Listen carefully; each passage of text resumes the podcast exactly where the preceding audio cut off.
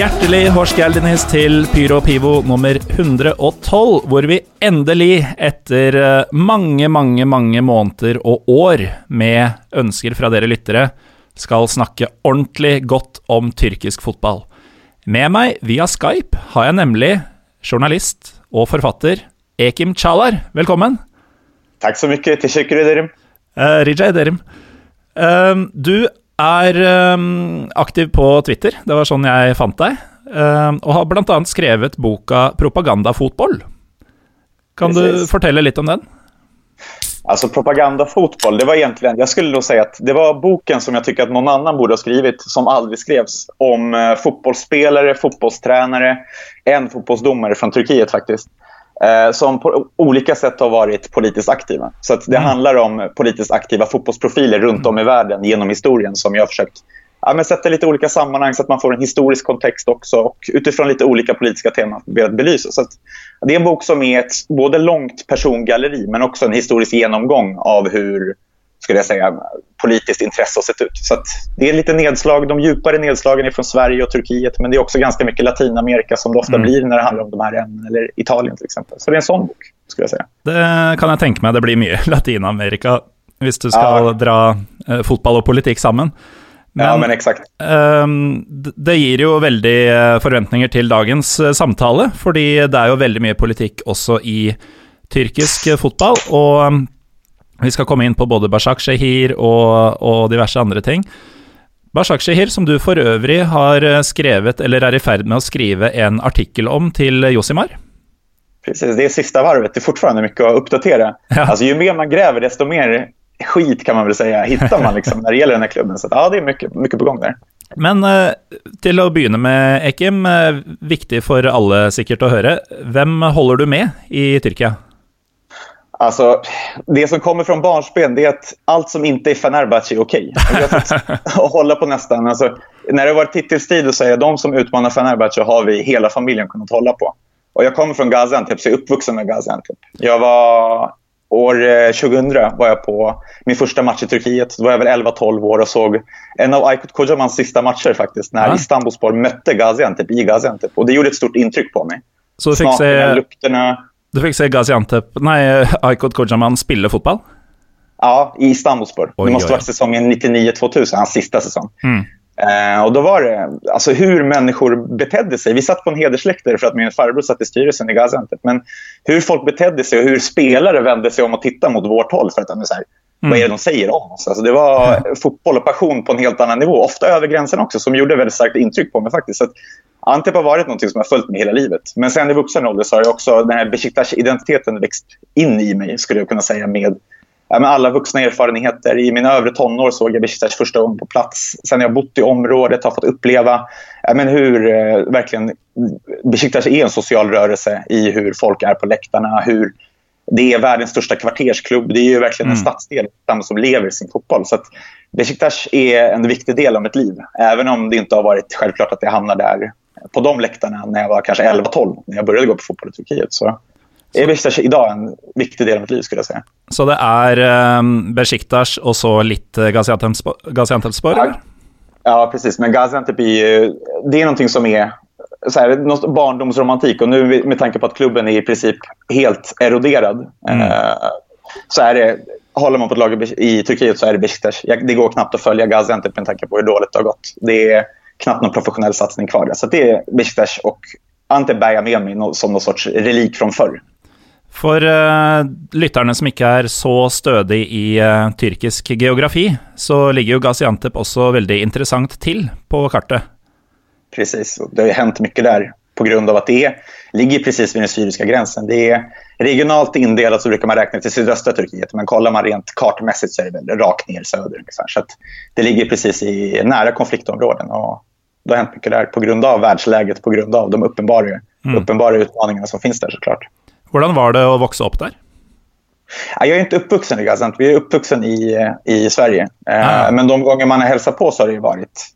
Det är någonting annat än västra Turkiet. Om man Mm. eh, till exempel tar eh, Ankara som modell som någon sorts byråkratstad, eh, studentstad. Om man tar Istanbul som verkligen den samlade kulturen, den samlade historien i hela Turkiet och alla de kulturer som har verkat i det som vi idag kallar för Turkiet. Mm. Eh, med väldigt digert kulturliv. Och om man ser Izmir som någon sorts så här, sekulär huvudstad, nästan skulle man kunna säga, mm. eh, så är Antep någonting annat, som någon ytterligare sån eh, smältdegel mellan olika kulturer. Och en mathuvudstad också. Så att, ja, det är en intressant stad som jag absolut kan rekommendera människor att besöka också, även om man inte ja. kan se Gaziantep på längre. Jeg har alltid hatt lyst til å, å reise til Gaziantep, bl.a. pga. det at det er jo den kulinariske hovedstaden i, i landet. Og pistasjenøtter f.eks. heter jo ikke pistasjenøtter i Tyrkia. Hva heter det? Antipfoste. Och det är ju trademark, verkligen. Så det är, ja, men det är mm. någonting som väldigt många är stolta över. Så mm. de claimar baklava. De, ja, antipnötter, precis. det er nydelig. Så du er altså Besjiktas-fan. Da er du kanskje ikke så fornøyd med mitt valg av lag, Ekim, som, uh, som fan av fienden. Hva, hva, tenker du om Fenerbahçe? Du var litt innom det, at uh, anything but Fener. Ja, så är det. Så här, många har ju en bild av vad de turkiska klubbarna ska vara. Alltså, mm. Det är någon sorts så här, identitet som har kommit i efterhand. Att Besiktas ska vara taxichaufförernas lag har de ju kallats någon gång. Att Galatasaray skulle vara de intellektuellas lag. Och grejen med Fenerbahce, det är ju svårt. För de är både någonstans folkets lag. Det är ju i väldigt många enkäter Turkiets populäraste lag. Men samtidigt så kallas de också överklassens lag. Så för mig har det handlat om att så här, när man växer upp, framförallt i diasporan i Sverige och kanske inte träffar jättemycket Fenerbahce-supportrar och bara hör det här snacket gå så har man en bild av Fenerbahce-supportrar som kanske inte stämmer heller. Så det är väldigt mycket fördomar där. Ja. Men det jag blir intresserad av att höra är hur du har hamnat i Fener.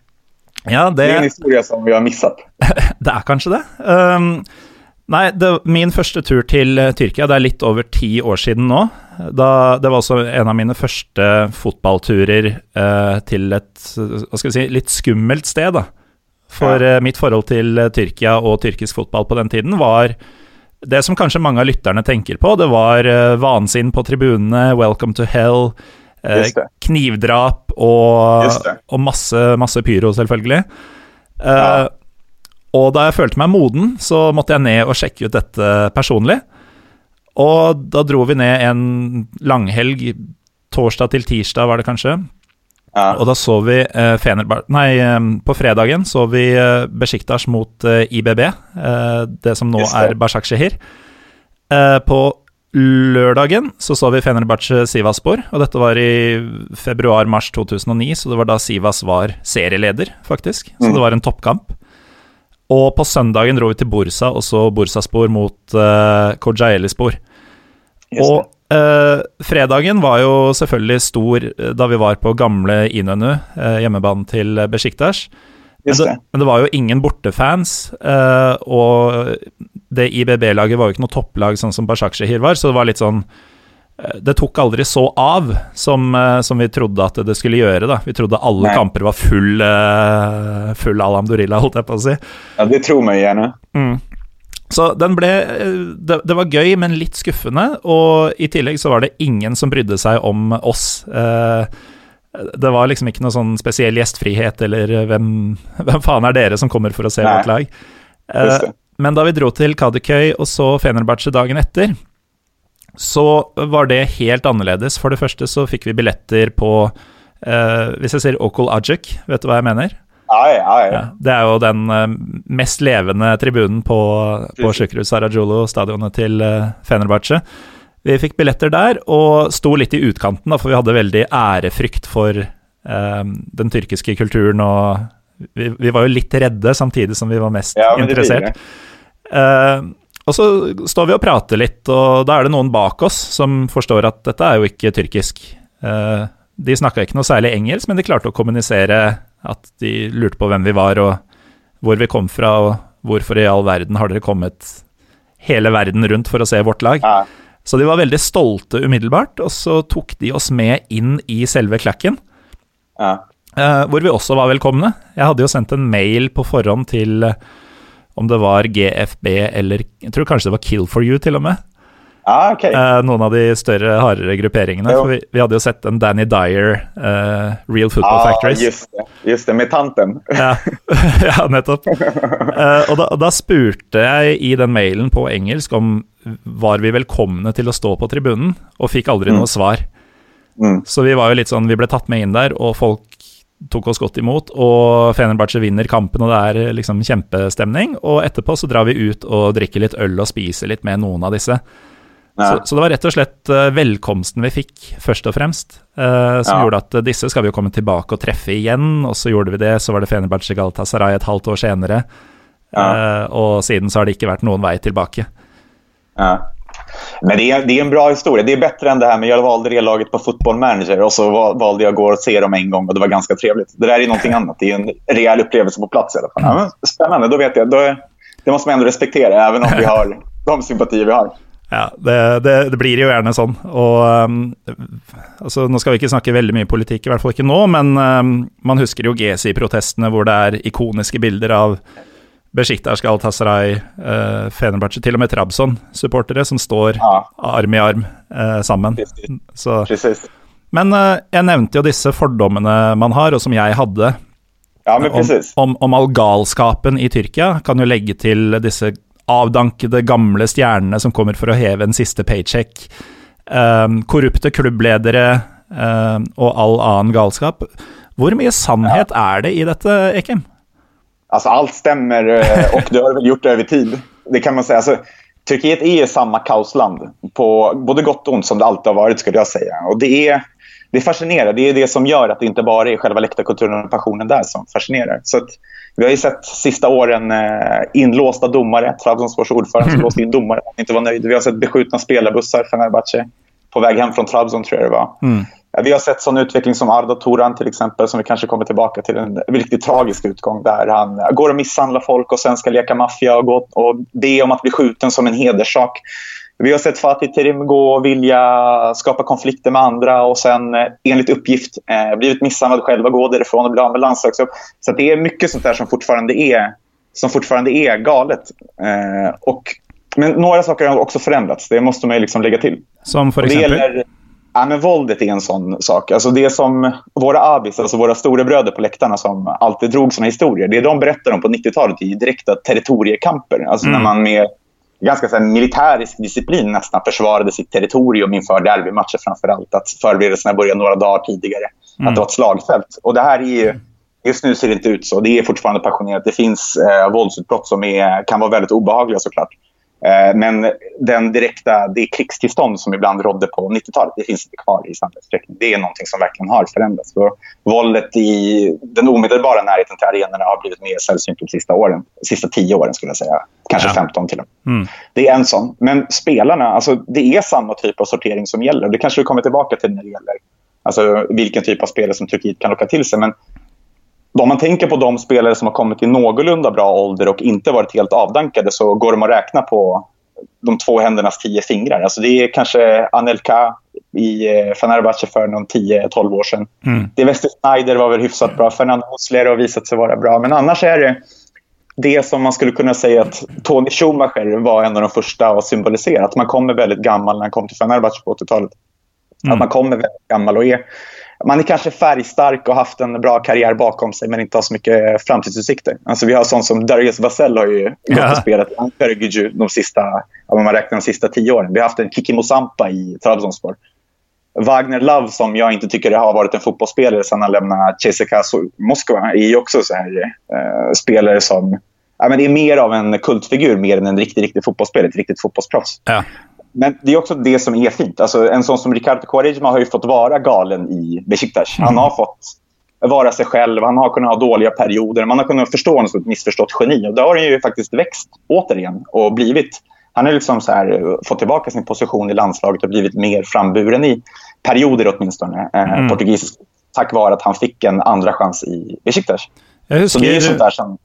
Jeg husker eh, da, da Quaresma kom. Eh, det var jo en sånn kjempeportugisisk bølge til, eh, til Besiktas akkurat da. Just, just Quaresma var jo på en måte den usikre der, men det var jo spillere som altså Hugo Almeida, Simao og, og Manuel Fernandes Fernandes, det var också en någon ytterback som knappt ja. hade spelat i divisionen. Men ja, det var portugisisk våg. Man spelade in klubbsånger på portugisiska istället eh, för att få dem att känna sig extra välkomna. Ja, men så var det absolut. Och precis som du säger, Quaresma var ju den svaga länken i det såg man. Men han var den som blev kvar.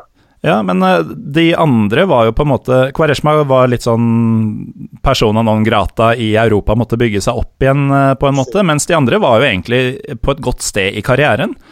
Jo, det är sant. Hvordan kom de till Besiktas da? Ja, det är mycket agentkontakter och sen så var det, det diskuteras ganska mycket om hur det där kunde ske överhuvudtaget. Eh, det finns många olika spekulationer, men framförallt så handlar det om agentkontakter och att det var lätt att få alla på samma bräde så att det ena födde den andra i och med att man höll på att slutföra vissa av de där affärerna. Det är den bilden som finns i alla fall. Mm. Men, eh, de flesta, Shimao var väl borta efter ett halvår. Den här ytterbacken som jag knappt minns namnet på har också försvunnit. Eh, Fernandes var ju den som var kvar längst tror jag den vågen. Quaresma försvann och kom tillbaka ett tag också. Så att, Mm. det försvann, alltså det där portugisiska prägen försvann ganska snabbt. Men det var absolut, det pratades om att det var ett portugisiskt lag nästan. Då, Ja, det gjorde det. Um, vi snakket litt om endringer på tribunene. eh, at det har um, siden altså, Og det er sant, det fins engelske artikler på at på 80-90-tallet så var det nærmest krigstilstander. At eh, det handlet ikke bare om å være best på lekterne, men det handla om å faktisk ta hverandre skikkelig. Ja. Um, og sånn er det jo ikke lenger, og sånn har det ikke vært på lenge, selv om det hender eh, enkelte saker innimellom. Men kanskje den største endringen tribunemessig eh, i nyere tid har jo vært innføring av Passo League. Ja, Og, precis. og jeg kan jo si for min egen del at eh, sist jeg var på kamp i, eh, i Tyrkia, det var før innføringen av eh, Passo League. Um, de som jeg har pleid å dra på kamp med, de som jeg kjenner der nede, de var av den typen som bestemte seg for at det her skal ikke vi være del av. Vi er ferdig med å gå. Eh, Vi boikotter så lenge dette fins. precis.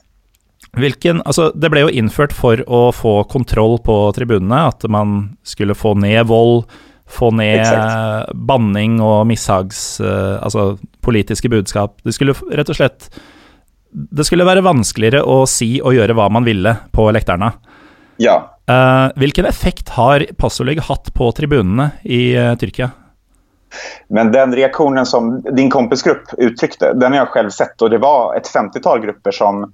Alla gick inte så långt så att de sa att de skulle bojkotta varenda match efter att Passo League infördes. Men det var ett 50-tal grupper som eh, var öppet kritiska till det och där många bojkottade. Jag har också vänner i Besiktas-leden som har varit aktiva i ibland 20-30 år, eh, som fortfarande inte går på fotboll. Men det direkta resultatet var ju att eh, publiksnittet i den turkiska ligan gick ner. Alltså, säsongen Mm. efter var en ren katastrof när det gäller publiksiffror. Jag tror de var nere på 7-8 tusen i snitt för hela ligan till exempel. Och sen har det, sakta men säkert så har det ökat lite grann. Men frågan är vad som händer när eh, väldigt många, det är inte bara hundratals, det är troligtvis tusentals människor med stora erfarenheter av att ha ja, men sett kanske 80-90-talet, som har sett det tidiga 2000-talet när ultraskulpturen började utvecklas lite mer. Alltså när koreografierna börjar bli bättre. Mm. Alltså när det finns en kontinuitet mellan de gamla ultrasrörelserna och det som är de nya supporterrörelserna. Så att säga.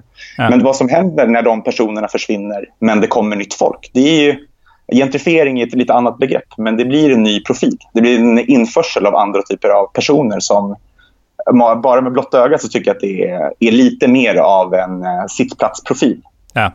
Och med det menar jag inte att folk inte sjunger med eller att folk inte riktigt håller på laget. Det är inte flanörer på det sättet, men det är en annan profil. Och det jag kan se är också att det är lite sämre kvalitet på vissa av tifona, i Besiktas i alla fall. Fenerbahce och Galatasaray har gjort det där jobbet bättre de sista eh, fyra, fem åren tycker jag än Besiktas. Men vissa av tifona har varit lite svagare och lite av den här på gränsen-passionen har försvunnit faktiskt. Ja. Eh, och det beror ju på att, och det får man också ha i åtanke, att de eh, åskådare som, de supportrar som faktiskt går dit och har varit kritiska mot Pastorik som tycker att det här är dåligt men som ändå köper det där plastkortet har ju någonstans accepterat den här kontrollen och Mm. accepterat repressionen också. Och det lägger man band på sig själv då, då är man ju knappt samma supporter som man var innan även om man är samma person och har samma lagsympatier och säkert innerst inne brinner för det väldigt mycket. Men när man ser sin omgivning och sitt kollektivt agera på ett annat sätt också, då blir det ju en annan läktarkultur såklart. Så Ja. jag tycker inte att passionen har försvunnit, men den ser lite annorlunda ut. Eh, så att supporterna får ju vara väldigt kreativa för att få igenom sina budskap. Och så kan ta ett väldigt sånt färskt exempel från den här säsongen med eh, Besiktas. Med ja, det som de prøvde på to forskjellige språk. Ja, men precis. Att man inte fick eh, ta in en stor overheadflagga in, under, inför en match eh, i februari som det stod Hasta la Victoria Siempre på för att det är ett citat från Che Guevara och det är för politiskt. Eh, den förbjöds, men i april så gick man in med samma flagga fast med texten eh, Zafere Kadar Daima, som är samma text fast på turkiska. Det är, ju, det är en stor läktarkupp och visar att folk är beredda att inte ge sig, men kanske inte till vilket pris som helst. Men det finns små segrar också med, ja, men som blir roliga anekdoter som visar att man kan gå runt lite av den här repressionen som är där jag tycker att eh, Pasolig verkligen är den stora, eh, den stora reformen, det stora slaget mot den läktarkultur som vi har lärt oss att älska med Turkiet. Men uh, altså, Hasta la Victoria siempre på spansk ble stoppet, mens det samme budskapet kom inn på tyrkisk, var det sånn? Exakt. Fordi uh, da jeg var, i, jeg var i Sivas Det er mye Sivas i mine Fenerbahçe-fortellinger. Ja, det så. Jeg var i Sivas på um, mesterskapskampen i 2011. I uh, ja, det, det, kontroversielle gullåret for, uh, mm. for Fenerbahçe. Uh, og da hadde jeg med et Av mange årsaker. Jeg hadde med et banner fra Kanarifansen. Ah, okay. Supporterklubben til Lillestrøm som jeg holder med. bare et lite kvadratisk et som skulle henge sammen med, med Vamos Bien, da, som er den gjengen som jeg dro på kamper med. Ja. Og da fikk jeg beskjed om at uh, av mine venner da, at det burde jeg smugle inn rundt kroppen.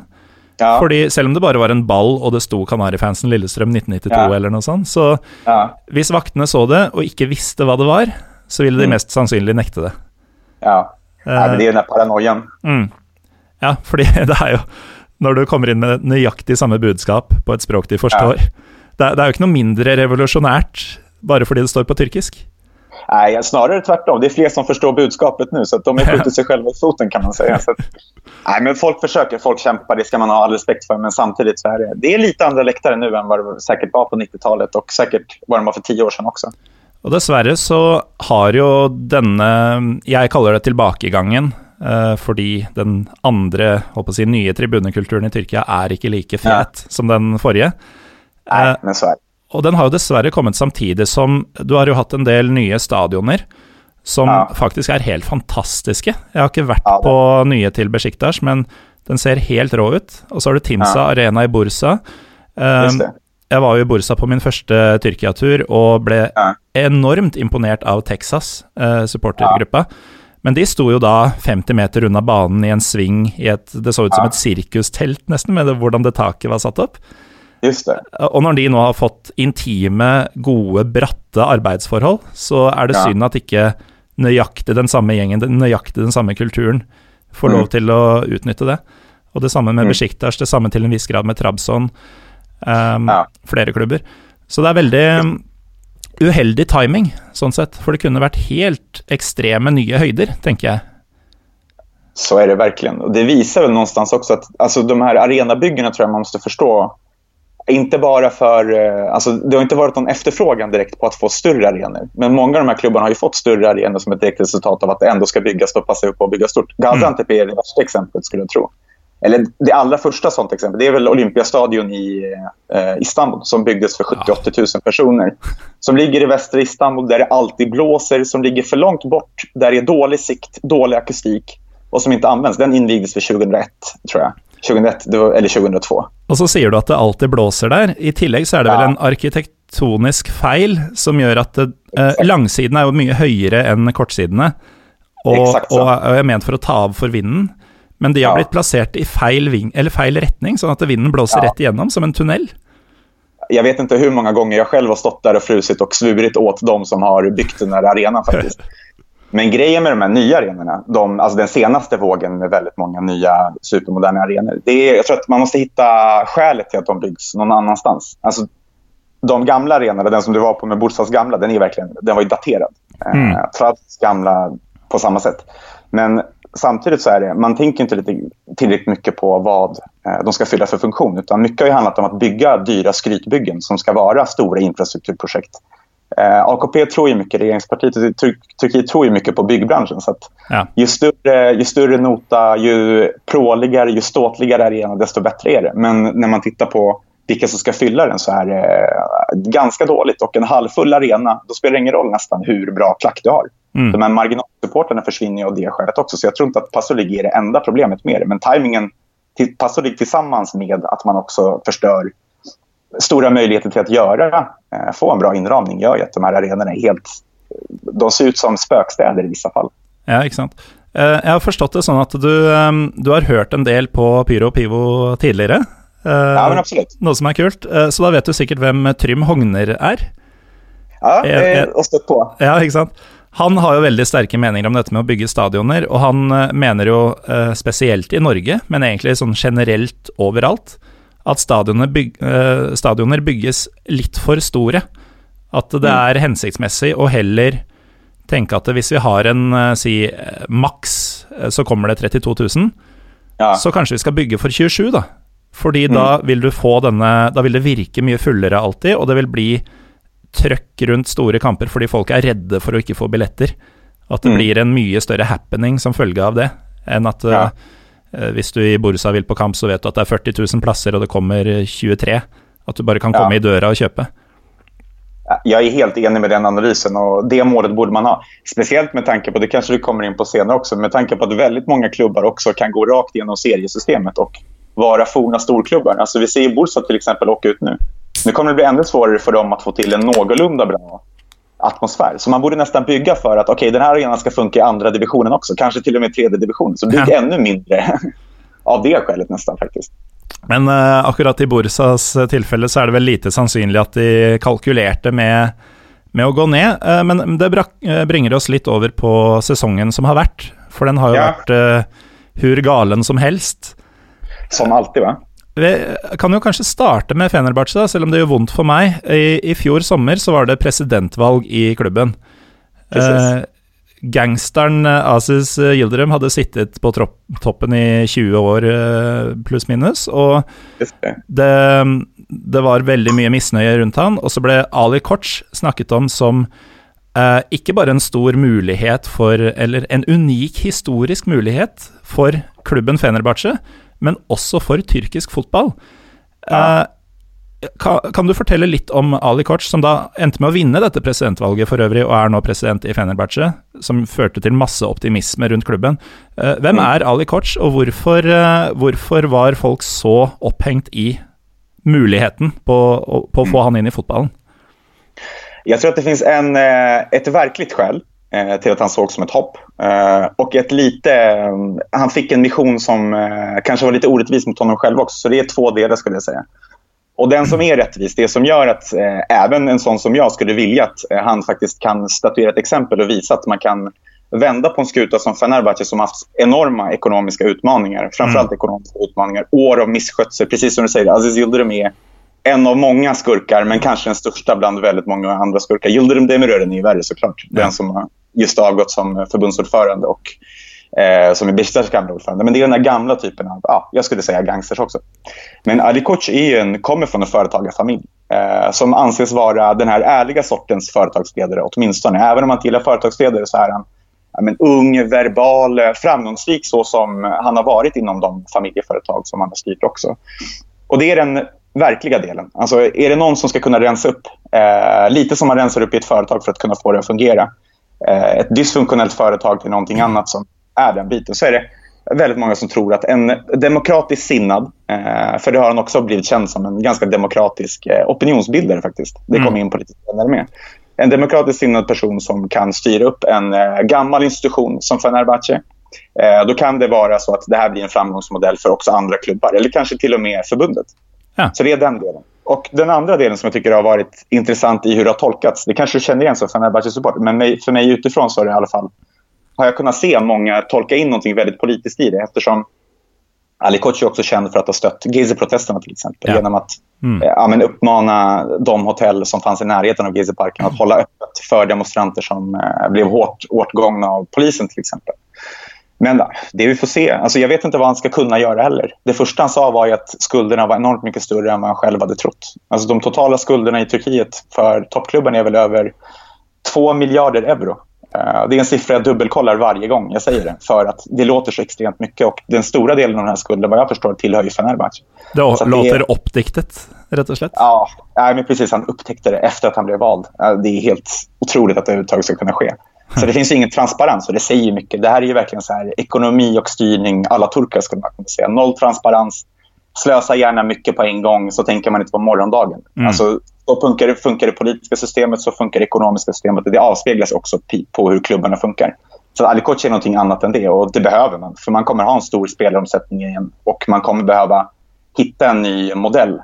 Speciellt med tanke på att man inte ens har ett riktigt sportsligt projekt just nu. Vi vet ju inte vad man vill spela för fotboll, vad man vill satsa på för spelare. Så att där blir hans...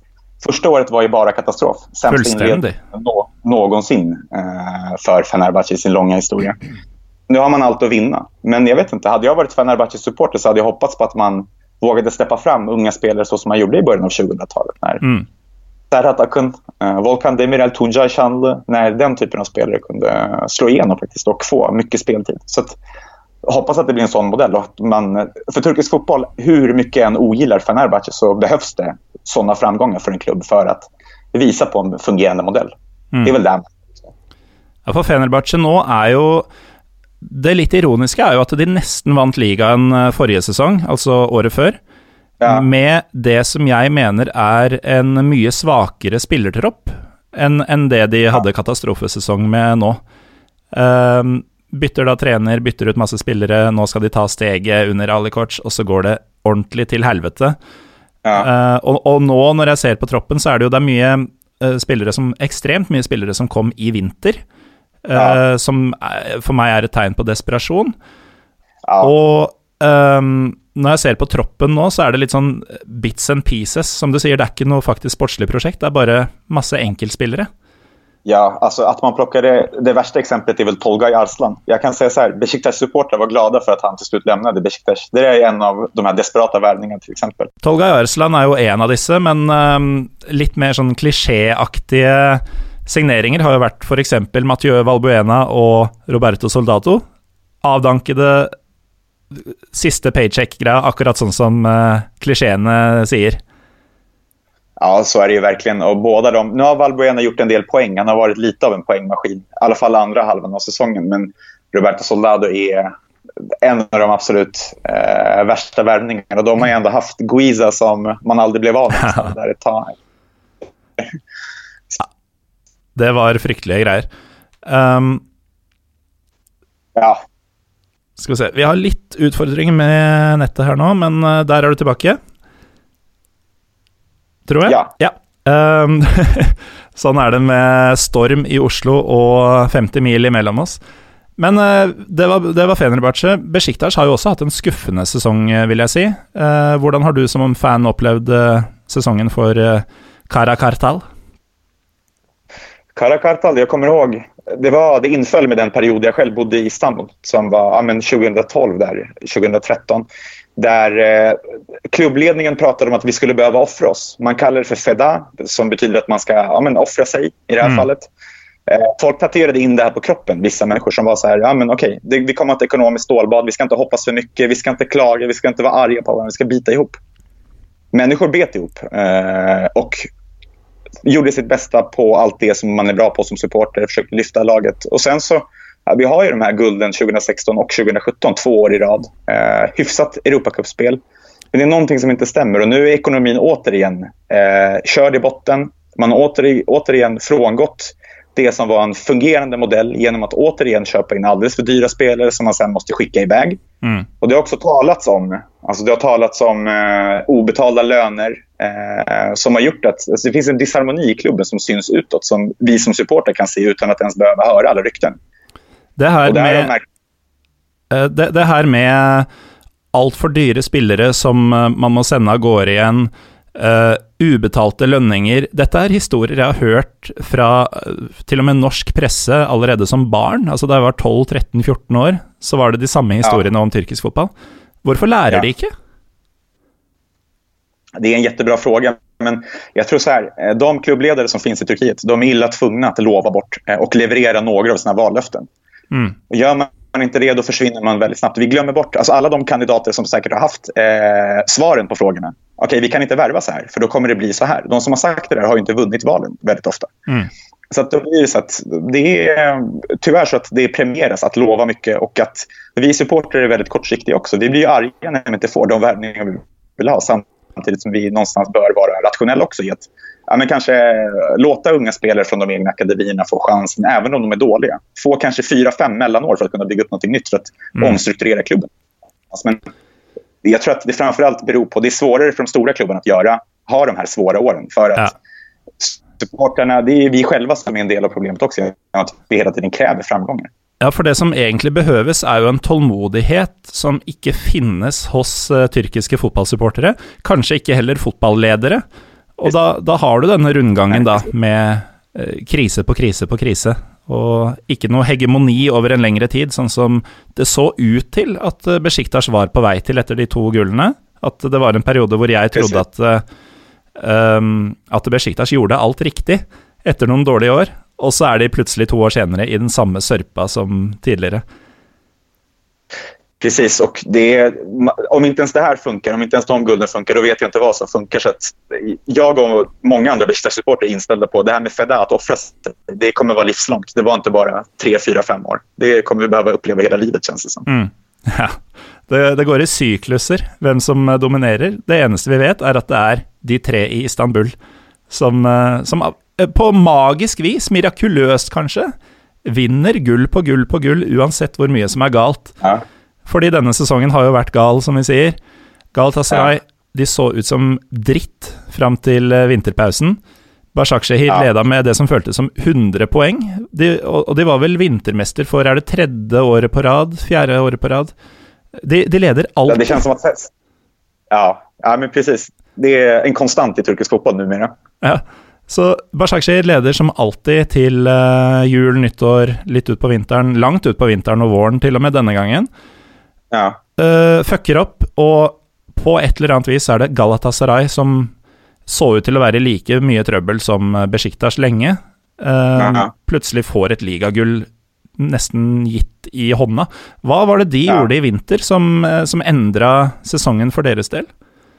Ja, det är ju båda delarna. Då måste man ju ta Shehir i beaktning också. Eh, men det som, om vi börjar med Bashak Shehir det är att laget har en kronisk oförmåga eh, att eh, bända upp försvar. Alltså, när vissa matcher är låsta och när de också känner en mental press så har den här klubben väldigt svårt, under ledning av Aplavjo som har varit tränare fram tills nyligen i den här klubben, mm. så har de haft väldigt svårt att kunna bryta igenom även om man har haft spelartyper som är väldigt bra på att ja, komma runt på kanterna. Man har haft habila målskyttar. Det är ett stjärnstarkt, alltså stjärnfullt lag. Mm. På så. Men det är någonting mentalt som saknas. Och det här kan man kalla kanske så här vinnarkultur. Men jag tror att mycket handlar om att Aplavjo var lite för feg och lite för kanske taktiskt bristfällig och har haft lite för lite mod att eh, ta de svåra besluten eller våga satsa på någonting.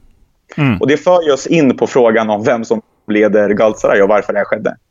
I svåra tider och när det krävs någonting, mycket mentalt spel och ingjuta hopp i spelare, eh, då är det Fatih Terim man ska vända sig till. En av de personer som jag personligen ogillar allra mest i turkisk fotboll, men där jag måste erkänna att han, han har taktiska brister, men han har andra fördelar inom fotbollen som gör att han är en eh, framgångsrik tränare. Jag ska inte säga bra tränare, men framgångsrik mm. tränare. Och man har också gjort, precis som du säger också, man hade, svårt, man hade väldigt svårt med målskytte till exempel. Mm. Men då mm. plockade man in, då vågade man satsa också som klubb. Och tog in eh, Mbaye Jagne som då ledde skytteligan, till slut vann skytteligan som inte är i samma klass som Buffetimbi Gomis som också var ja, bra förra året. Mm. till exempel. Men man hade saknat en anfallare. Man tog in en någorlunda lik spelare typ, eh, som gjorde sina mål, som kunde lyfta laget.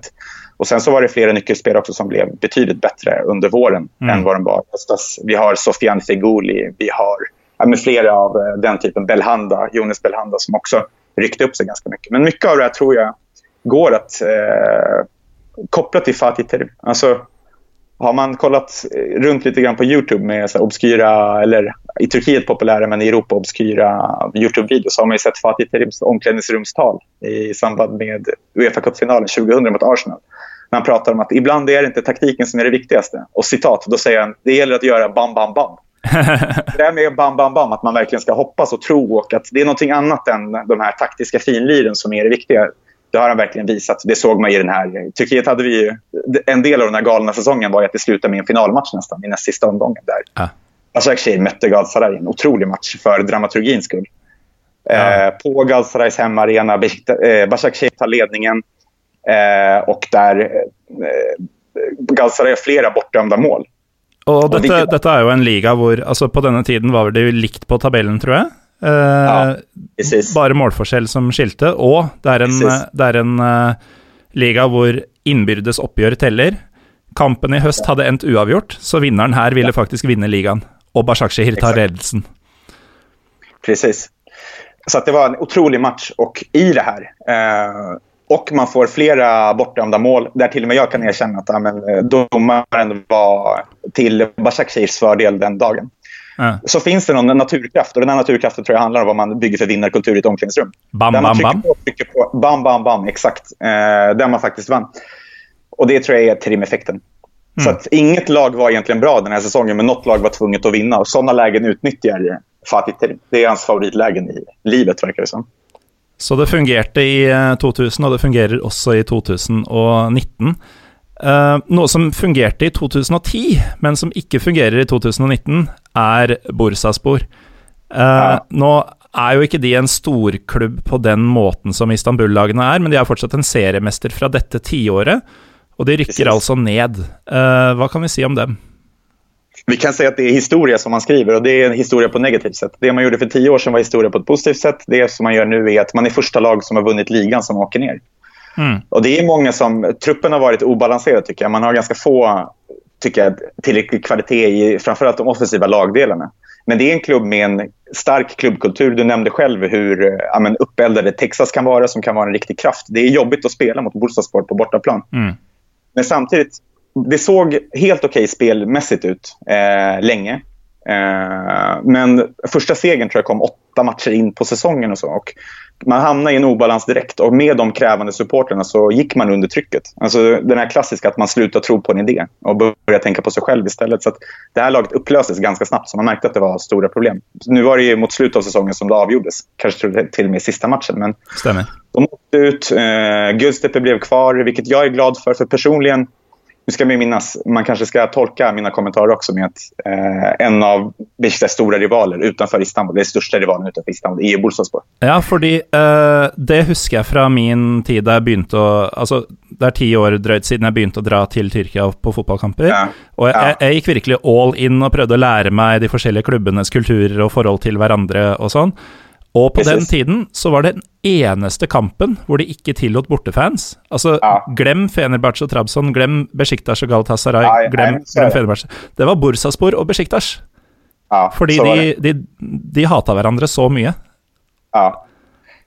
Det är år av eh, läktarvåld som har legat bakom det där. Och där har politiker fått kliva in. Alltså det är guvernörer som har gått in och sagt till exempel i motsvarande fall när det är bortamatcher för Besiktas som har förbjudit Besiktas-supportrar att komma. Mm.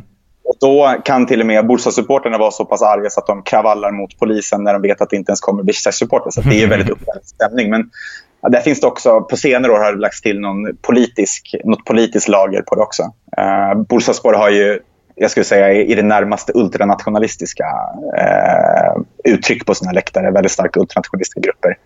Som ofta, medan eh, Besiktas har gjort det till en grej de sista 20 åren när Diyarbakırspor var uppe också, till exempel i Superliga, Ja. att man välkomnar eh, kurdiska bortasupportrar så har Bursaspor snarare hånat dem eh, och riktat turknationalistiska ramsor emot dem.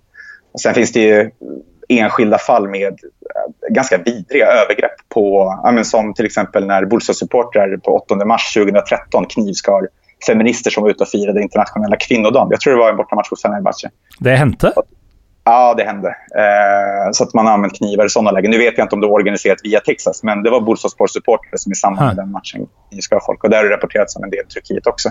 Så att för min del, det är en problematisk läktare. Som klubbkultur, absolut. Om man bara håller sig till fotbollsmässigt så är det på något sätt synd. Men det här historiska med att de har vunnit och åkt ner. För mig, eh, för mig som person kvittar det faktiskt. Men Jag är eh, glad. Du, du nevner nasjonalisme, og så nevner du Diyarbakir-spor i, i samme setning, og da kan vi bare ta med for de som ikke kjenner til eh, det aspektet, at eh, Diyarbakir er eh, på sett og vis eh, Nå bruker jeg anførselstegn, eh, lyttere. eh, hovedstaden for eh, kurdere i Tyrkia, mer eller mindre. Ja, det brukar, det brukar ju kallas det. Precis. Ja. Kurderna själva kallar det så i alla fall. Og Diyarbakir-spor er jo da en klubb med tilhengere som, som bærer veldig preg av eh, dette. Eh, har jo hatt sine feider med Hver gang det kommer et lag fra Istanbul eller Ankara f.eks., så er det masse greier som kastes inn og, og Mm. sånn. Um, men i, i Diyarbakir så er det jo ikke det laget vi snakker om lenger. Det er heller en Nei. annen klubb som har fått overskriftene de siste årene. Eh, Precis. fortell litt om uh, Ahmedspor, uh, Ekim. Ahmedspor var ju en, eh, Alltså det är knappt så jag vet vilken division de hamnar i, men jag tror att det är tredje högsta divisionen. Som är gamla kommunlaget. Som ersatte, i och med att Diyarbakirspor eh, skakades om ekonomiskt så var det en klubb som var tvungen att ersätta med, alltså för fotbollsintresserade människor, någon typ av sportslig satsning. Så det föll på kommunlaget som började klättra i seriesystemet. Och i och med jag skulle säga att det började med att man ville byta namn till Ahmed. För Ahmed är ju det kurdiska namnet på staden Diyarbakir. Mm. I och med att man ville byta namnet till Ahmedspor, tror det var 2013 eller 2014, eh, så förbjöds man det helt enkelt för att det sågs som separatistiskt. Och I och med det så blev klubben politiserad. Så att klubbfärgerna det är de traditionella kurdiska färgerna, grönt, eh, rött och gult. Flera av spelarna har uttalat sig politiskt. Den absolut kändaste, den historien tror jag att alla känner igen, Denis Naki, gamla St. Pauli-spelaren mm. vars föräldrar var politiska flyktingar. Är, han är själv född och uppvuxen i Tyskland men som återvände och uttalat sig väldigt politiskt och är en eh, tydlig eh, vänstertänkande fotbollsspelare som alltid lyfter kurdfrågan på sociala medier till exempel, som blivit avstängd och som vars fotbollskarriär avslutats. Men i och med att den här klubben politiserades, delvis från dem själva genom att väldigt många spelare också opinionsbildade kring den kurdiska frågan. Han är själv blivit misshandlad och som sagt dömd till eh, villkorlig fängelsedom tror jag till och med. Ja.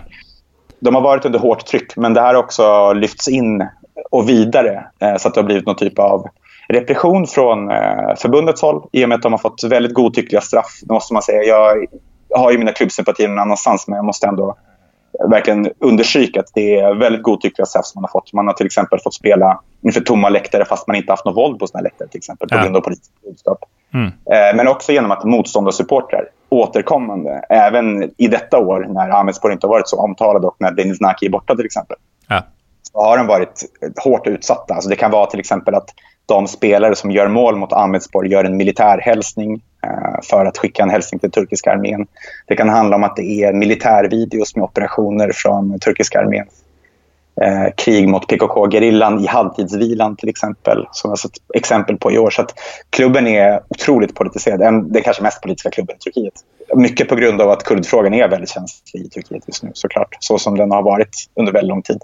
Det er den. Og eh, for å gå litt off topic, så um, kan jeg nevne for eh, lytterne våre at jeg vet ikke helt om dette stemmer nå, men uh, for en tid tilbake så var det i hvert fall en film tilgjengelig på norsk Netflix som heter Guneshi Gørdum. I Saw The Sun går det an å søke på, som handler om Har du sett den, Ekim? Jeg tror ikke det.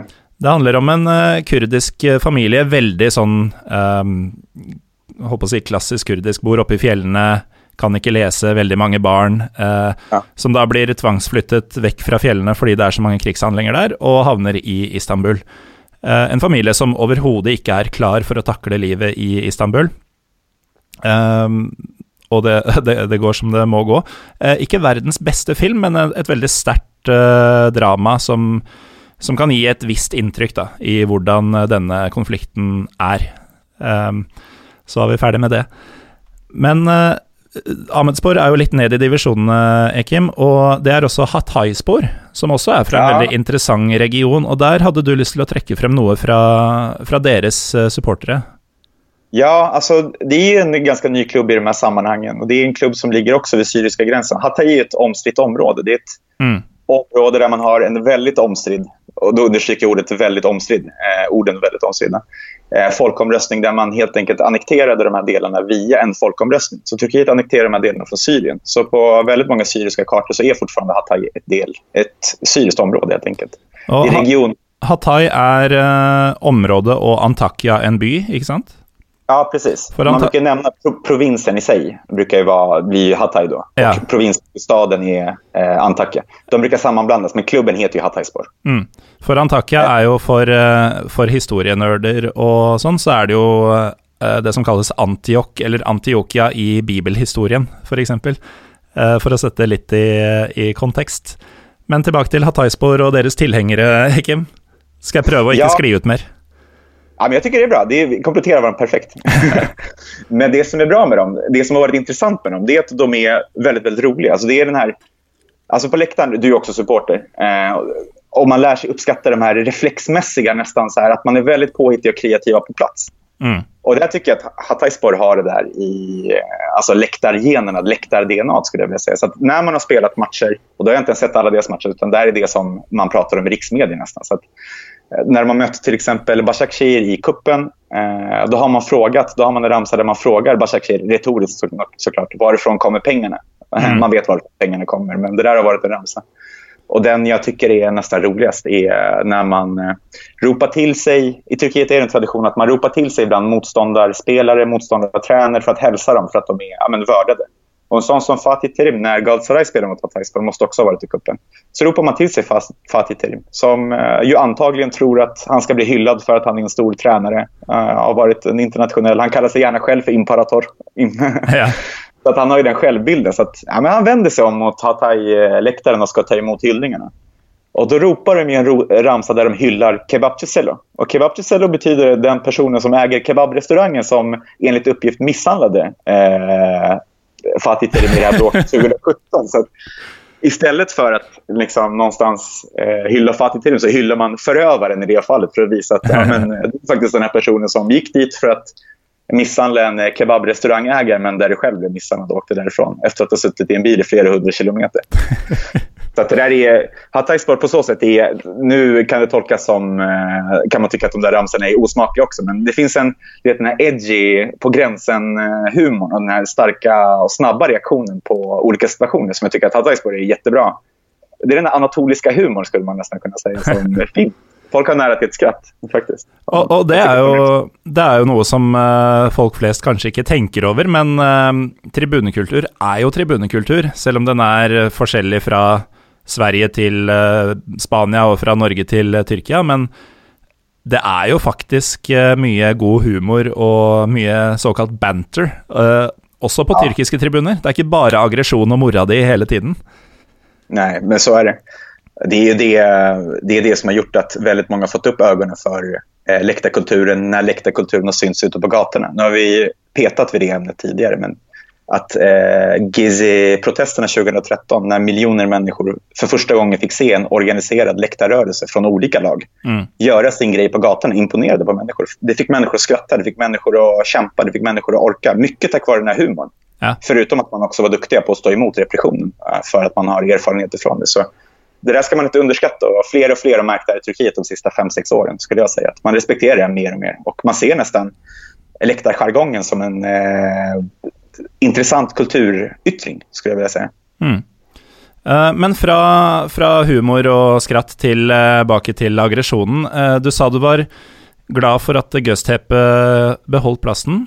Um, hvor mye gladere hadde du blitt om f.eks. Karsiaka også hadde kommet opp? Fordi det, det Izmir-derbyet, det ja. snakker man altfor lite om.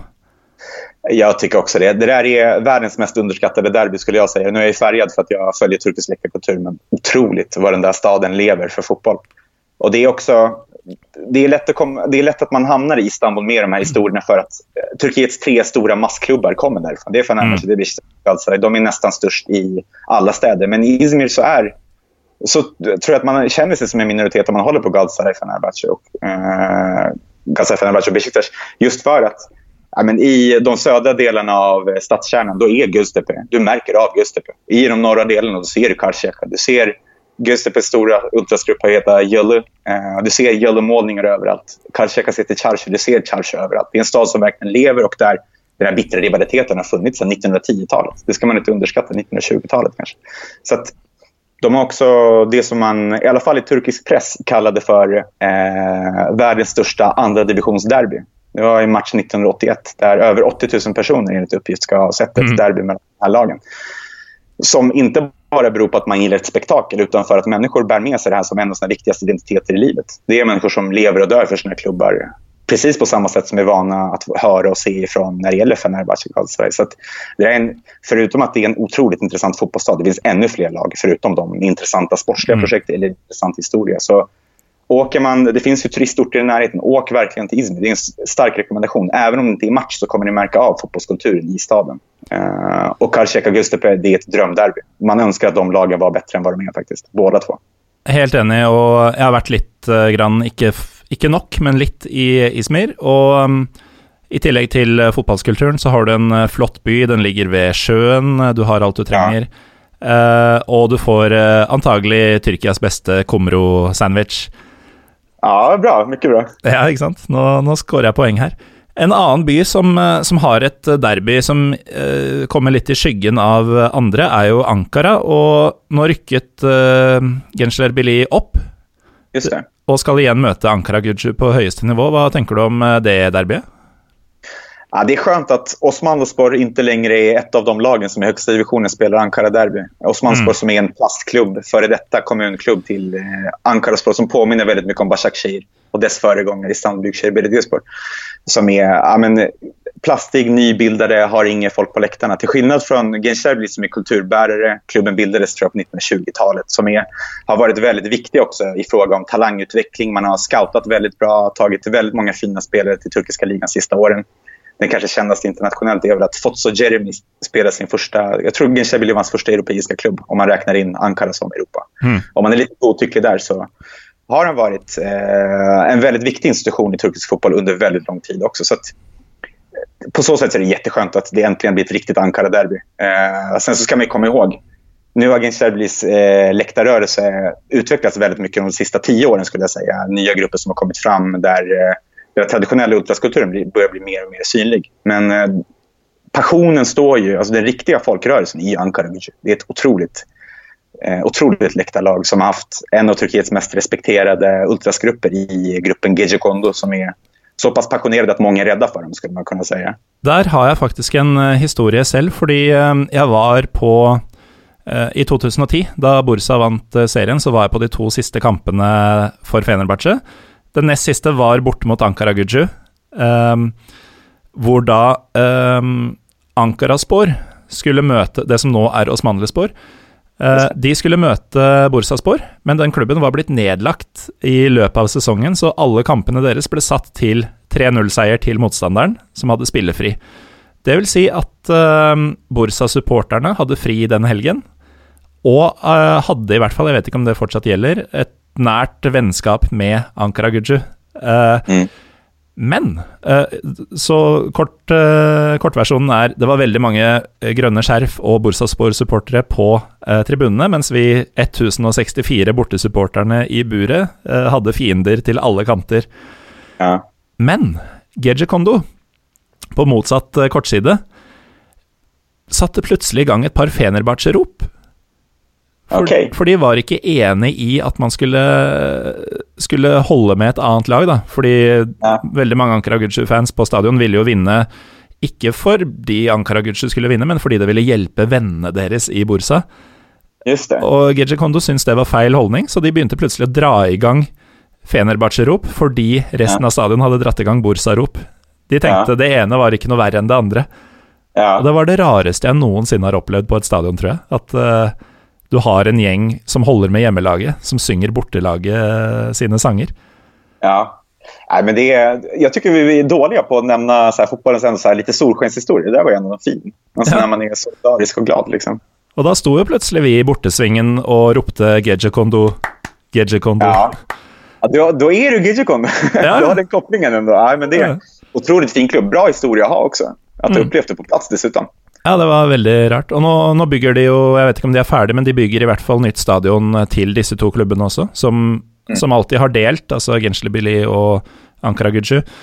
Uh, alltid delt igjen et forfallent stadion, uh, 19. Ja. mai-stadion. Det er nå revet, og de bygger et nytt, mer moderne, som de også skal dele. Så ja. forhåpentligvis mer intimt, løpebanene borte, og uh, kanskje kan det bli ordentlig trøkk i Ankara også.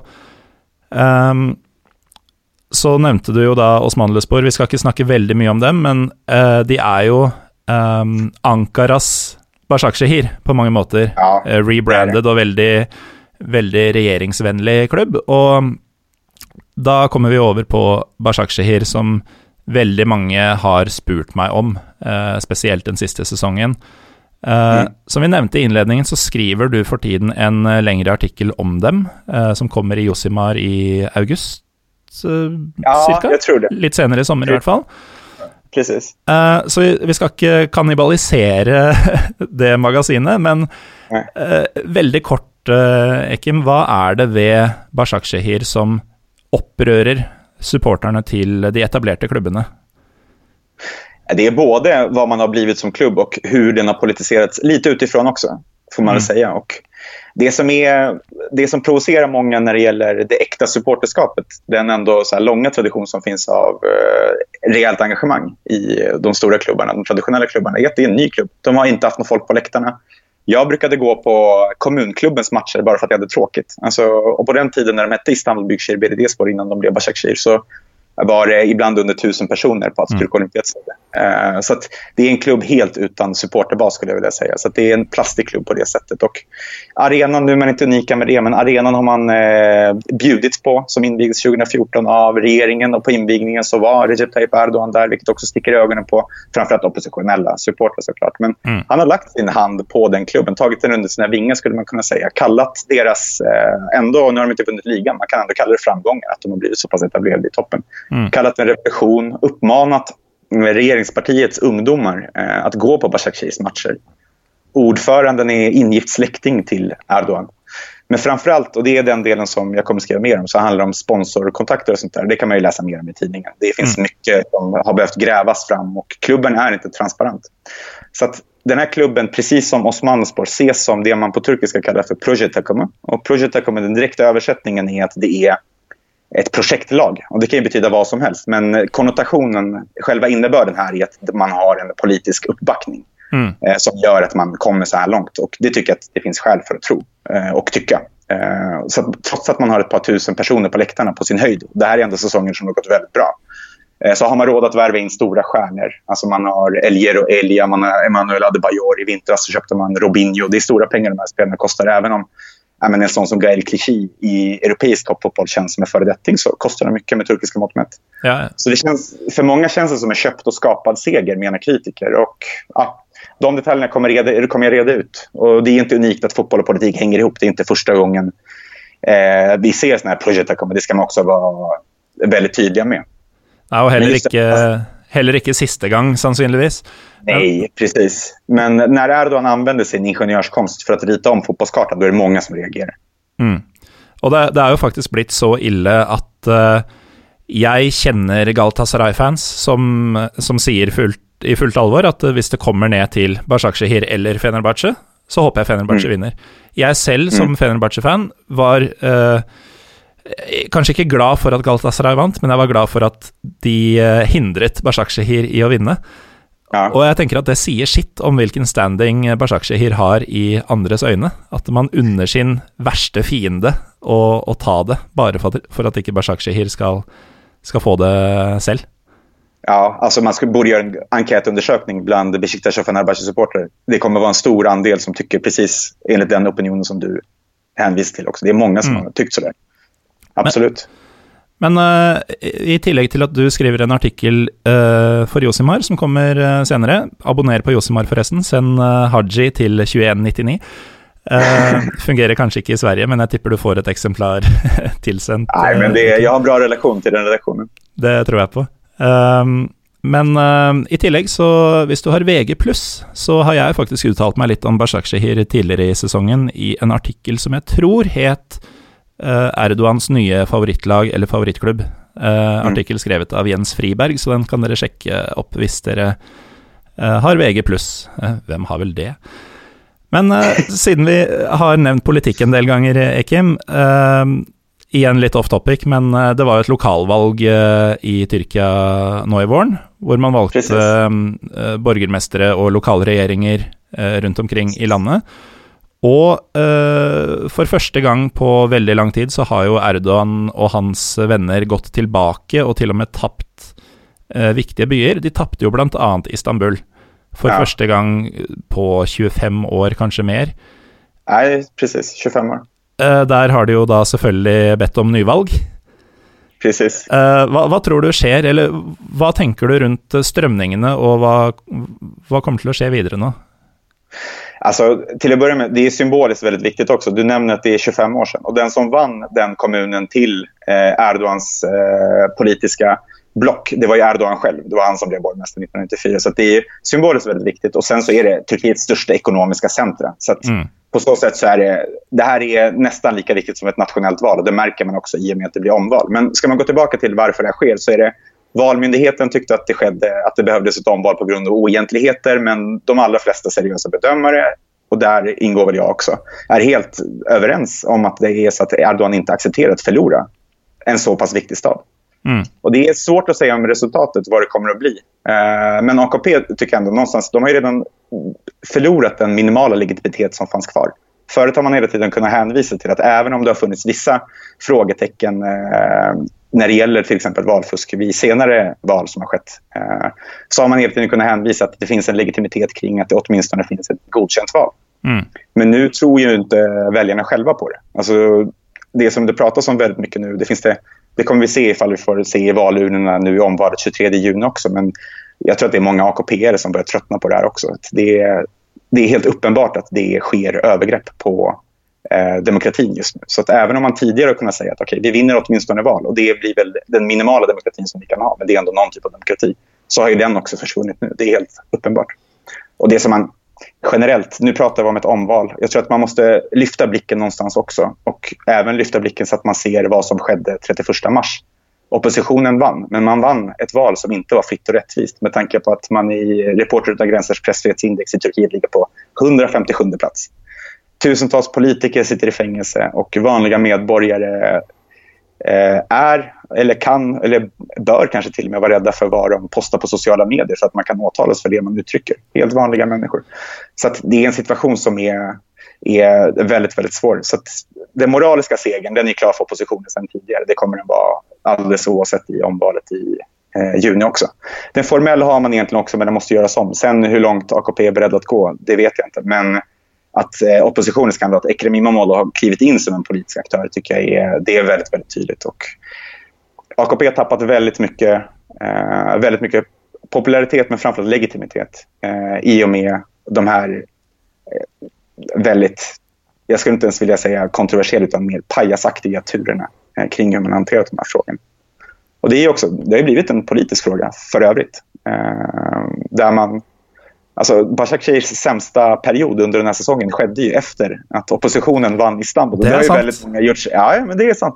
Och det är många som gjort sig lustiga över det. Nu vet ju alla att det inte är det det beror på såklart. Så direkt är inte kopplingen mellan politik och fotboll. Men det är mm. många som gjort sig lustiga över det. Och noterbart är att oppositionens kandidat, han som då vann med stor sannolikhet, med all sannolikhet i mars, Ekrem Imamoglu från Republikanska folkpartiet, han får ju frågor om Bashakshirs situation.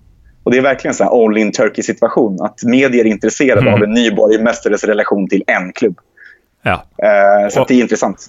Och en klubb som ingen egentligen har någon relation till. Uh, dette med å poste i sosiale medier, det, det, ser jeg til og med her i Norge. Uh, hvis du går på en, uh, en nyhetssak om Erdogan, da, og det er et åpent kommentarfelt, f.eks., så uh, ser man jo innimellom at uh, det dukker opp en eller annen person med tyrkisk navn og kommenterer på kommentaren at uh, sånn her kan du ikke si, jeg skal varsle tyrkisk politi, sånn at du blir tatt hånd om neste gang du skal dit. Ja. og det i seg selv er jo sinnssykt. Men, men, det er faktisk sånn at selv jeg, da jeg var nede i, Istanbul for um, ja, Sist jeg var der, er ett og et halvt år siden. Eh, og da hadde jeg ikke vært der på litt over et år. Og ja. da var det sånn at jeg lurte litt, faktisk, på når jeg kommer i passkontrollen mm. er, er, Kommer det til å komme noen spørsmål? Det, det var mm. nesten sånn at jeg, eh, som bare Jeg er ganske um, harmløs oppi dette her. Men jeg, ja. jeg, paranoiaen nådde til og med meg, da. Da kan man Men, jo forestille seg hvordan det er for tyrkiske journalister och tyrkiske eh, nettkrigere. Precis. Nu är det en utvikning, men bara som ett jättekort tillägg. Problemet är att det finns en godtycklighet. Det finns jättemånga journalister som har gjort, varit väldigt modiga som inte har åtalats. Men problemet är att om man kan åtalas för minsta lilla och det finns en godtycklighet, man vet inte var gränsen går. Mm. Så skapar man just den här effekten att eh, varenda människa som kanske hyser en regeringskritisk åsikt, som man kanske inte ens har sagt, yttrat det väldigt öppet, eh, känner att det finns ett problem där. Att man är, ja, men undrar hur det ska gå i passkontrollen. Så jag tycker att det är en normal reaktion på ett faktiskt läge som är helt absurt. Ikke sant. Og så ser du 157.-plass på pressefrihetsindeksen. Og for, ja. for, å sette det litt i perspektiv, så kan man jo tenke deg en 157.-plass på Fifa-rankingen. Ja. hvor ekstremt lavt på verdensbasis det er. Ja, men det er så. Um, og kanskje, kanskje, ikke den smootheste overgangen, uh, Ekim, men um, til tross for alt dette, så må vi jo snakke litt om å reise til uh, Tyrkia. og ja. Det er jo ikke så ille at man bør holde seg unna. Nej, det tycker jag inte. Alltså, så här, bojkottfrågan lyfts. Den får jag i väldigt många olika sammanhang. Den har jag fått förut också. Men jag tycker så här. Eh, sätt en straffskatt på dig själv om du åker till Turkiet. Eh, lägg, lägg, på lika mycket som du lägger på flygbiljetten. Lägg det på att ta reda på någon, o, något oberoende medium eller någon mänsklig rättighetsorganisation. Gör en donation eh, och mm. åk dit. För det är ett tillräckligt intressant land för att åka till också. Så att, eh, men tips om Turkiet kan jag absolut göra. Vad en... tänkte du på mer specifikt? Nei, uh, først og fremst en, en, kul idé som jeg aldri har tenkt på. For jeg, jeg drar jo til en del tvilsomme land. Jeg har vært i Israel og Hviterussland f.eks. bare de siste årene. Ja. og Uh, det å skattelegge meg selv for å, for å bøte ja. på at nysgjerrigheten tar overhånd, uh, det, ja. det, skal jeg ta til etterretning. Uh, så får vi se om jeg tar meg råd til det, da. Men nei, altså det er jo sikkert mange som vurderer å, å, reise for å se fotball, f.eks. Og ja. før vi kommer til fotballdelen, da, for det blir kanskje siste delen her, men hvorfor bør man, eller bør man ikke dra til Tyrkia for å oppleve Tyrkia? Mm så här. Generellt sett, alltså den generella kommentaren kring det jag tror att trots att eh, fotbollen har förstörts av pengar, korruption och repression. Vi har varit inne på passolig och dylikt. Mm. Så har man inte kunnat ta den här sporten ifrån folket. Alltså fotbollen lever ju också utanför det här biljettsystemet. Den lever i människors vardag på ett sätt som är fortfarande ganska unikt. Det här går inte att ta bort över en generation. Det här är något som är ingrott i Turkiet under väldigt lång tid. Eh, det finns många människor som kommer att berätta väldigt många anekdoter. Turkiet är ett kulturellt intressant land också. Och det är ett väldigt bra sätt att se på. Alltså, det tycker jag själv. Jag kom själv, jag var i eh, Crna Montenegro, själv förra veckan gick på fotboll. Och tycker att det jag såg mest av kulturen i Montenegro antar jag var den kuppfinal som jag var på där. Det är ett mm. väldigt tacksamt sätt att se på med vanliga människor. Vad de äter, vad de dricker, hur de beter sig, vad de pratar om. Hur de lever ut sin passion hur uttrycken ser ut. Eh, även om man inte förstår allting så är det ett väldigt bra sätt. Så att, förutom att bland mina topp 10 gladaste, finaste ögonblick i livet så tror jag att hälften är från turkisk, alltså på något sätt kopplad till turkisk läktarkultur. Så tycker jag att, alltså, samla på er sådana erfarenheter. Det finns jättemånga olika ställen. Izmir har vi varit inne på, det behöver vi inte upprepa. Det är en stad som både, eh, för att den är stor, eh, har en rik historia, och en otrolig läktarkultur med åtminstone fyra, fem jätteintressanta fotbollslag som man kan se. Eh, så skulle jag säga att en Istanbul-tur skulle kunna göras betydligt intressantare bara genom att eh, skanna igenom vilka lag som har matcher den kanske helgen där man är där. Mm. Jag har själv varit runt på nästan alla arenor i de fyra, största, de fyra högsta divisionerna som Istanbul-lag har spelat i.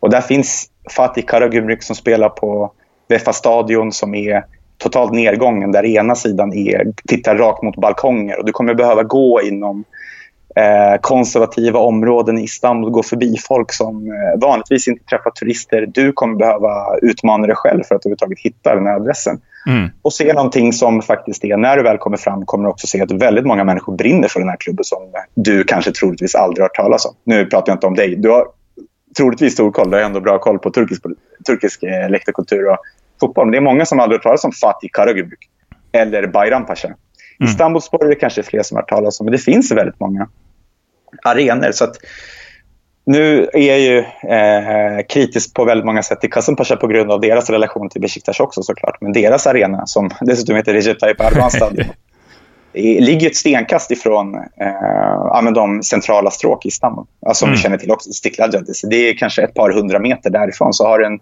hypermodern arena som ligger i ganska otillgängliga kvarter i Istanbul som är Ja, men det kan vara jobbigt. Du kommer till en annan stad bara du går de där meterna över den här stora gatan. och går Tarlabaşı.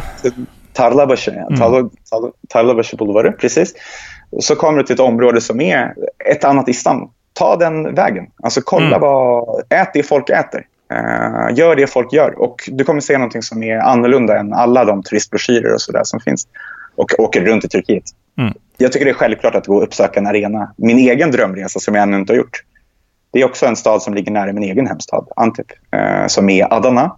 Ja. Som har ett lag i andra division, Adana Demirspor, som på 90-talet åtminstone var i högsta divisionen. Det är järnvägsarbetarnas klubb som har vänskapliga förbindelser med Livorno av politiska skäl i ja. vänsterklack.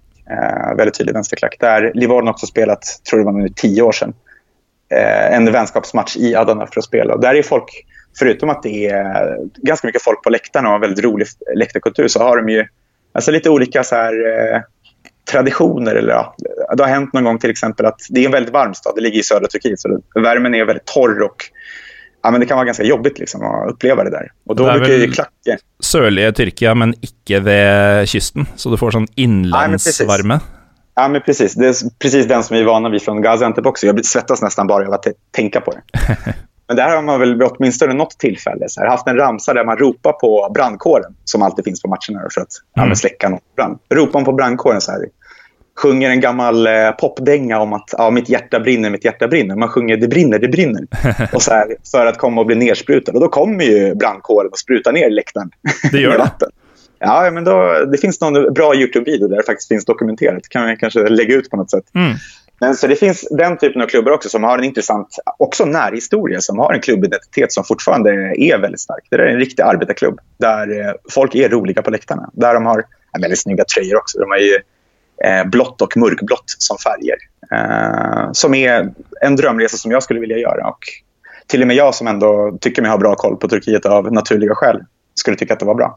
Mm. Men som tips, åker man dit, ta med en turkisk kompis, någon som kan översätta alla de här kontexterna. Vi tog de här Hatayspor-grejerna som ett exempel. Mm. Eh, många av Besiktas ramser eh, eller banderoller behöver man också någon typ av kontext för. Men det finns väldigt mycket att uppleva helt enkelt. Jag tycker att åk dit, ta chansen eh, och betala straffskatt. Gör det. Så uh, tipset ditt er at uh, man, man, bør uh, dra, og fotball bør være en vesentlig del av en tur. det betyr at man trenger passoligg. Hvordan får man det? Ja, det, får man, det går att beställa över nätet faktiskt. Nu, mina vänner bojkottar, det måste jag också understryka. Jag skulle själv inte köpa passoligg, men jag förstår om man gör det. Men söker man sig till smålag så behöver man inte passoligg. Det kan man också passa på att tillägga. Så det går att både vara bojkotter och se turkisk fotboll. Ja, för det är... De två översta divisionerna har Passolig? Ja, precis. Jag tror att det är precis de två översta divisionerna. Mm. Men om man ändå köper Passolig, vilket jag förstår om man gör, eh, så går det bra att beställa på nätet och se till så att papperna är klara. Ja, så allt är uh, möjligt. Och uh, en fördel som man kanske inte har tänkt på, är ju på grund av Passolig, så är det ju lite mindre tryck på biljetterna också till de stora kamperna. Mm. Så hvis du faktisk vil oppleve et Istanbul-derby, så er sjansen for å få en billett uh, større enn den var for fem år siden. Ja. Um, så, så, det er faktisk noe man ikke trenger kontakter for å få til uh, nødvendigvis. Um, men hvis man uh, ser bort fra fotball, da, Ekim um, Det er jo f.eks. mye mat og drikke i, i Tyrkia som, som, må nevnes. Hva, hva er dine favoritter? Alltså, det som jag saknar så fort jag inte är i Turkiet det är kokoreç. Och det, jag, kommer inte kunna, jag, jag, kommer inte kunna sälja in det på ett bra sätt. För det är fårmage, det är inälvsmat som hackas ner, grillas, hackas ner tillsammans med grönsaker och serveras i ofta ett ganska torrt bröd. Men det är faktiskt den godaste mat som finns. Oftast den godaste mat som finns. Och den eh, saknar jag väldigt ofta. Har du ätit kokoreç? Det måste du ha gjort. Många gånger. Och... Eh, visst, visst är det gott. Sälj in det bättre än vad jag gjorde det. Ja, uh, altså Jeg tror ikke jeg kan selge det inn, fordi det, det går jo ikke. Det er uh, grillede, hakkede innvoller fra, fra sau, vel? Uh, fra ja. sau eller lam, ja. tror jeg. Og så Får, ja. Mm, ja, får. som du da får i et brød som ofte er tørt. Heldigvis så er kjøttet veldig fett. Sånn at ja. du kjenner jo ikke Tørrheten i brødet er jo ikke noe problem sånn sett, og så er det ofte ganske spicy. Ja. Uh, som jo er ganske sjelden egentlig for tyrkisk mat og mat fra Midtøsten. Ja. Uh, til tross for hva folk kanskje tror. Men uh, min beste kokoretsj, den ja. kom ikke på en sånn kjederestaurant, for det finnes jo faktisk sånn fastfood-kjeder for kokoretsj, tro, tro, det eller ei. det kom fra bakset, eller lasteplanet på en lastebil mm. ved Uh, du kjenner til Jade Bostan på den asiatiske ja, ja, siden. Det er en, absolutt, absolutt. En, en, kyststi på den asiatiske siden hvor det var en lastebil med en provisorisk grill bakpå planet. Han solgte da disse saueinnvollene, og det var uh, min, min beste kokoretsj-opplevelse, hvis man kan si det. Men det är ju så, ju smutsigare, billigare och ju argare den personen som lagar maten är, desto godare blir det. Det är precis så det funkar med gatumat. Det er det. Midje er samme sak. Altså, og, det måste du også ha sjekket. Og, og, det er ganske sjukt, fordi er det to ting du liksom leser i en guidebok at du kanskje bør være forsiktig med, så er det jo innvollene og eh, midje, som du sier. Eh, ja. Midje dolma, som da er fylte blåskjell eh, på norsk. Uh, problemet, da, uh, ifølge disse guidebøkene med, med midje dolma, det er at det, du vet ikke helt hvor disse blåskjellene kommer fra. Gjerne kommer de fra, hvis du er i Istanbul, i Bosporos, som er fullt av arsenikk og all mulig avfall fra båttrafikk. Ja. Og um, de har jo da disse brettene med midje dolma stående på gata, hvor det tiltrekker seg støv og faenskap, og det står i romtemperatur Ikke romtemperatur engang, utetemperatur. Så hvis du er der om sommeren, så står de da framme i 30 grader. Så det er mange gode grunner til at det ikke skal uh, harmonere i magen. Og disse selges ofte på samme sted som du får kokorec. Det syns jeg er helt perfekt. Ja. Nei, så du kan precis. kjøre double Nu har vi trouble. gett en massa tips. Vi har gett en massa tips som ingen kommer lyssna på. Som ingen kommer följa. Men det alltså veldig, annars, veldig pyro og pivo, da. väldigt pyro och pivo. Men annars, det går ju ner. Det måste du också ha kört många gånger. De här eh, ekmek. Ja, ja, ja. Jeremik med köfte, köftevagnarna, de här turkiska köttbullarna. Mm. Det är den klassiska maten. Kör den med en ayran så att han inte svär efter dig för att du är snål och inte kör dricka. så är det, då är du ju hemma. Men en annen ting som er eh, kanskje forvirrende for, eh, for nordmenn, og kanskje også svensker, eh, som eh, reiser ned da, og tenker nå skal jeg spise kebab, så er man vant til den eh, nordeuropeiske varianten med masse saus og, Ja, og sånn, og så er jo alt på menyen heter noe med kebab. Nej, Eh, precis. og ingenting ligner på den kebaben du får hjemme i Stockholm eller Oslo. Nej, eh, precis. Av de, alle disse kebabtypene, hvilken er din favoritt? Ja, det är för att Adana ligger nära Gaziantep också så är det ju den vi är uppvuxna med. Och det är eh, lammkött som har hackats ner väldigt fint så att det är som någon typ av köttfärs. Mm. Eh, som är på spett, som grillas med olika kryddor. Och det finns två varianter. Egentligen så är det samma recept, bara att man har lagt till chili. Så att Mm. Adana är för den som vill ha lite kryddigare, alltså lite starkare. Och så kan man annars beställa in en bursa. Eh, eller förlåt, Urfa. Eh, urfa. som är eh, den okryddade varianten. Och det kan man köra. Den vanligaste varianten är att man sitter på en restaurang och kör det med ris. Men är man on the go, har en kvart kvar till matchstart, då kan man faktiskt köra den i bröd också. Jag tycker nästan att den är godare i bröd. Oj. Det är inte lika vanligt, men jag tycker att det brukar man få en liten påse under för att det är så himla fett kött. Så att Mm. det här eh, köttfettet inte ska rinna ut på dina kläder till exempel. Och det är precis som du säger, det är, alltså kebabfamiljen, kebabkulturen är någonting helt annat än vi tror. Vi äter ju kanske i ja, men Norden är ju samma, i stora delar av Europa är ju samma. Det Mm. som vi kallar kebab är ju döner. Och det är ju väldigt specifikt döner och ingenting annat. Ja. Eh, kort fortalt så er um, eh, Du må gjerne korrigere meg her, men ser du kebab på en meny i Tyrkia, så betyr det egentlig bare at det er grilla kjøtt. Og ikke alltid kjøtt heller. Du får jo um, Hva heter den, den nøtten? Ja, men Så- kyckling ingår ju också. Alltså, tawuk kebab till Ja. exempel. Så det finns ju många olika varianter. Så er det patlejan, som, eh, Ja, som, ja, som jo er aubergine, som ikke Ja, precis. nødvendigvis har med å gjøre. Og så er det eh, kastanje, eh, som den nøtten heter. Som faktisk heter Ja, just det. Just det. ja, hva det nå heter på tyrkisk, husker jeg ikke i farten, men eh, det er rett og slett Visst. grilla kastanjer som du får i en pose. Det er også kebab, ifølge, ifølge tyrkisk eh, Ja, Så, det är, nu, nu utgår turkar ofta från att det är kött i saker och ting. Så det, men eh, det är, det är väldigt många olika varianter. Och väldigt många också när det gäller köfte kebab. Testa de olika lokala specialiteterna. Framförallt, åker du till en ny stad i Turkiet som inte har varit det tidigare finns det alltid någon lokal variant på Mm. alla de här klassiska kebab och köfterätterna. Så Ja. också, det skulle gå, gå att göra en bra matresa bara genom kebab och köfte. absolutt. Og eh, du har jo åpenbart vært mye i Istanbul, eh, Ekim. Jeg antar Ja. at du kjenner til, eh, når du nevner eh, Adana kebab, Durum Sade. Har du Ja, vært ja, der? ja. For et Ja. fantastisk sted. Det, Ja, men det är ikke noe, bedre, ja, ikke noe bedre sted i Istanbul eh, når du er litt eh, full og sliten, og bare mose i deg en dobbel Adana Durum, altså en Adana-rull. Eh, gjerne med en Ayran eller en Shalgam ved siden av. Ja, ja, perfekt. Perfekt. Når det er nevnt, eh, Ayran det er jo også en ganske absurd greie. Hva, hva er det? Alltså, det är ju en yoghurtdryck egentligen. Eh, som är, ja, men det, när man gör det hemma så kan man göra det med vatten, eh, yoghurt och salt. Det är egentligen den basen. Och den är mycket till för att, lite som man använder vissa tillbehör till andra maträtter, till, säg till eh, ingefäran till sushi. Det är lite grann för att neutralisera de smakerna så att du får igen smaken igen på ett visst sätt. Så att Mm. Det handlar inte bara om ayran-upplevelsen tycker jag inte bara handlar om att dricka yoghurtdrycken för att smaken passar. Utan det handlar om att så här, förhöja matupplevelsen genom att man faktiskt kan ja, men nästa, smak, eh, nästa tugga smakar som den första tuggan. Så att, just den effekten får man inte underskatta. Men mm. ja, jag vet inte. det är väldigt mycket. Det är en, Erdogan ville ju kalla den för nationaldrycken när han tyckte att vi inte skulle förknippas för mycket med alkohol i Turkiet. Då sa han att det är ayran som är nationaldryck, det är inte röke. Mm. som är den traditionella spritdrycken. Så att, ja, men ayran är väldigt omtyckt i Turkiet.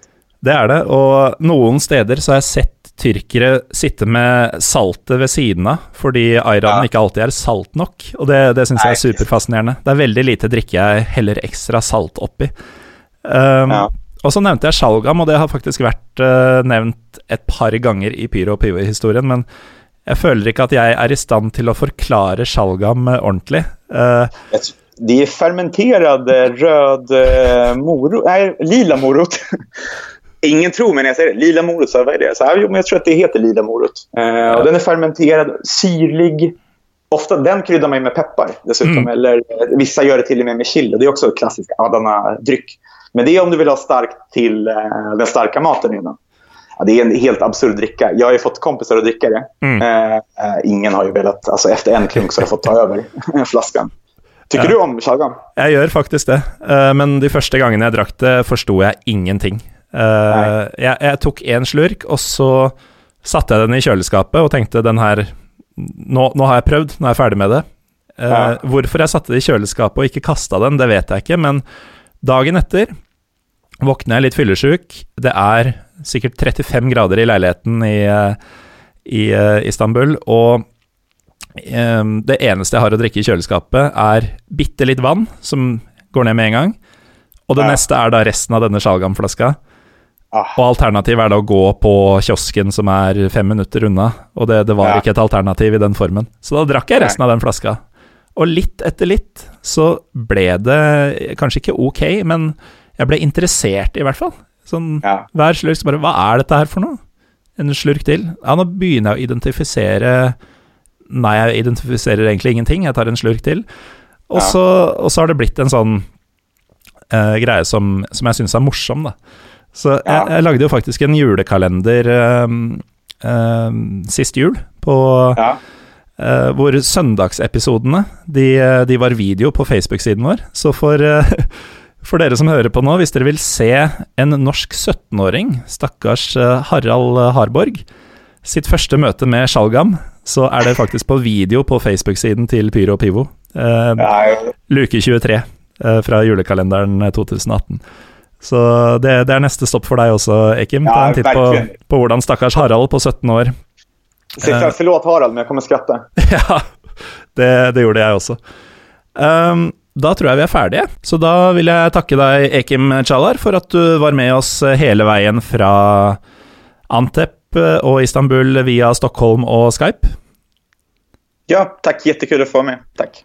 Uh, og så um, må vi igjen oppfordre alle til å tegne abonnement på Josimar, så de kan lese mer om uh, Bashak Shehir uh, i din artikkel for magasinet. Blir det din første Josimar-artikkel?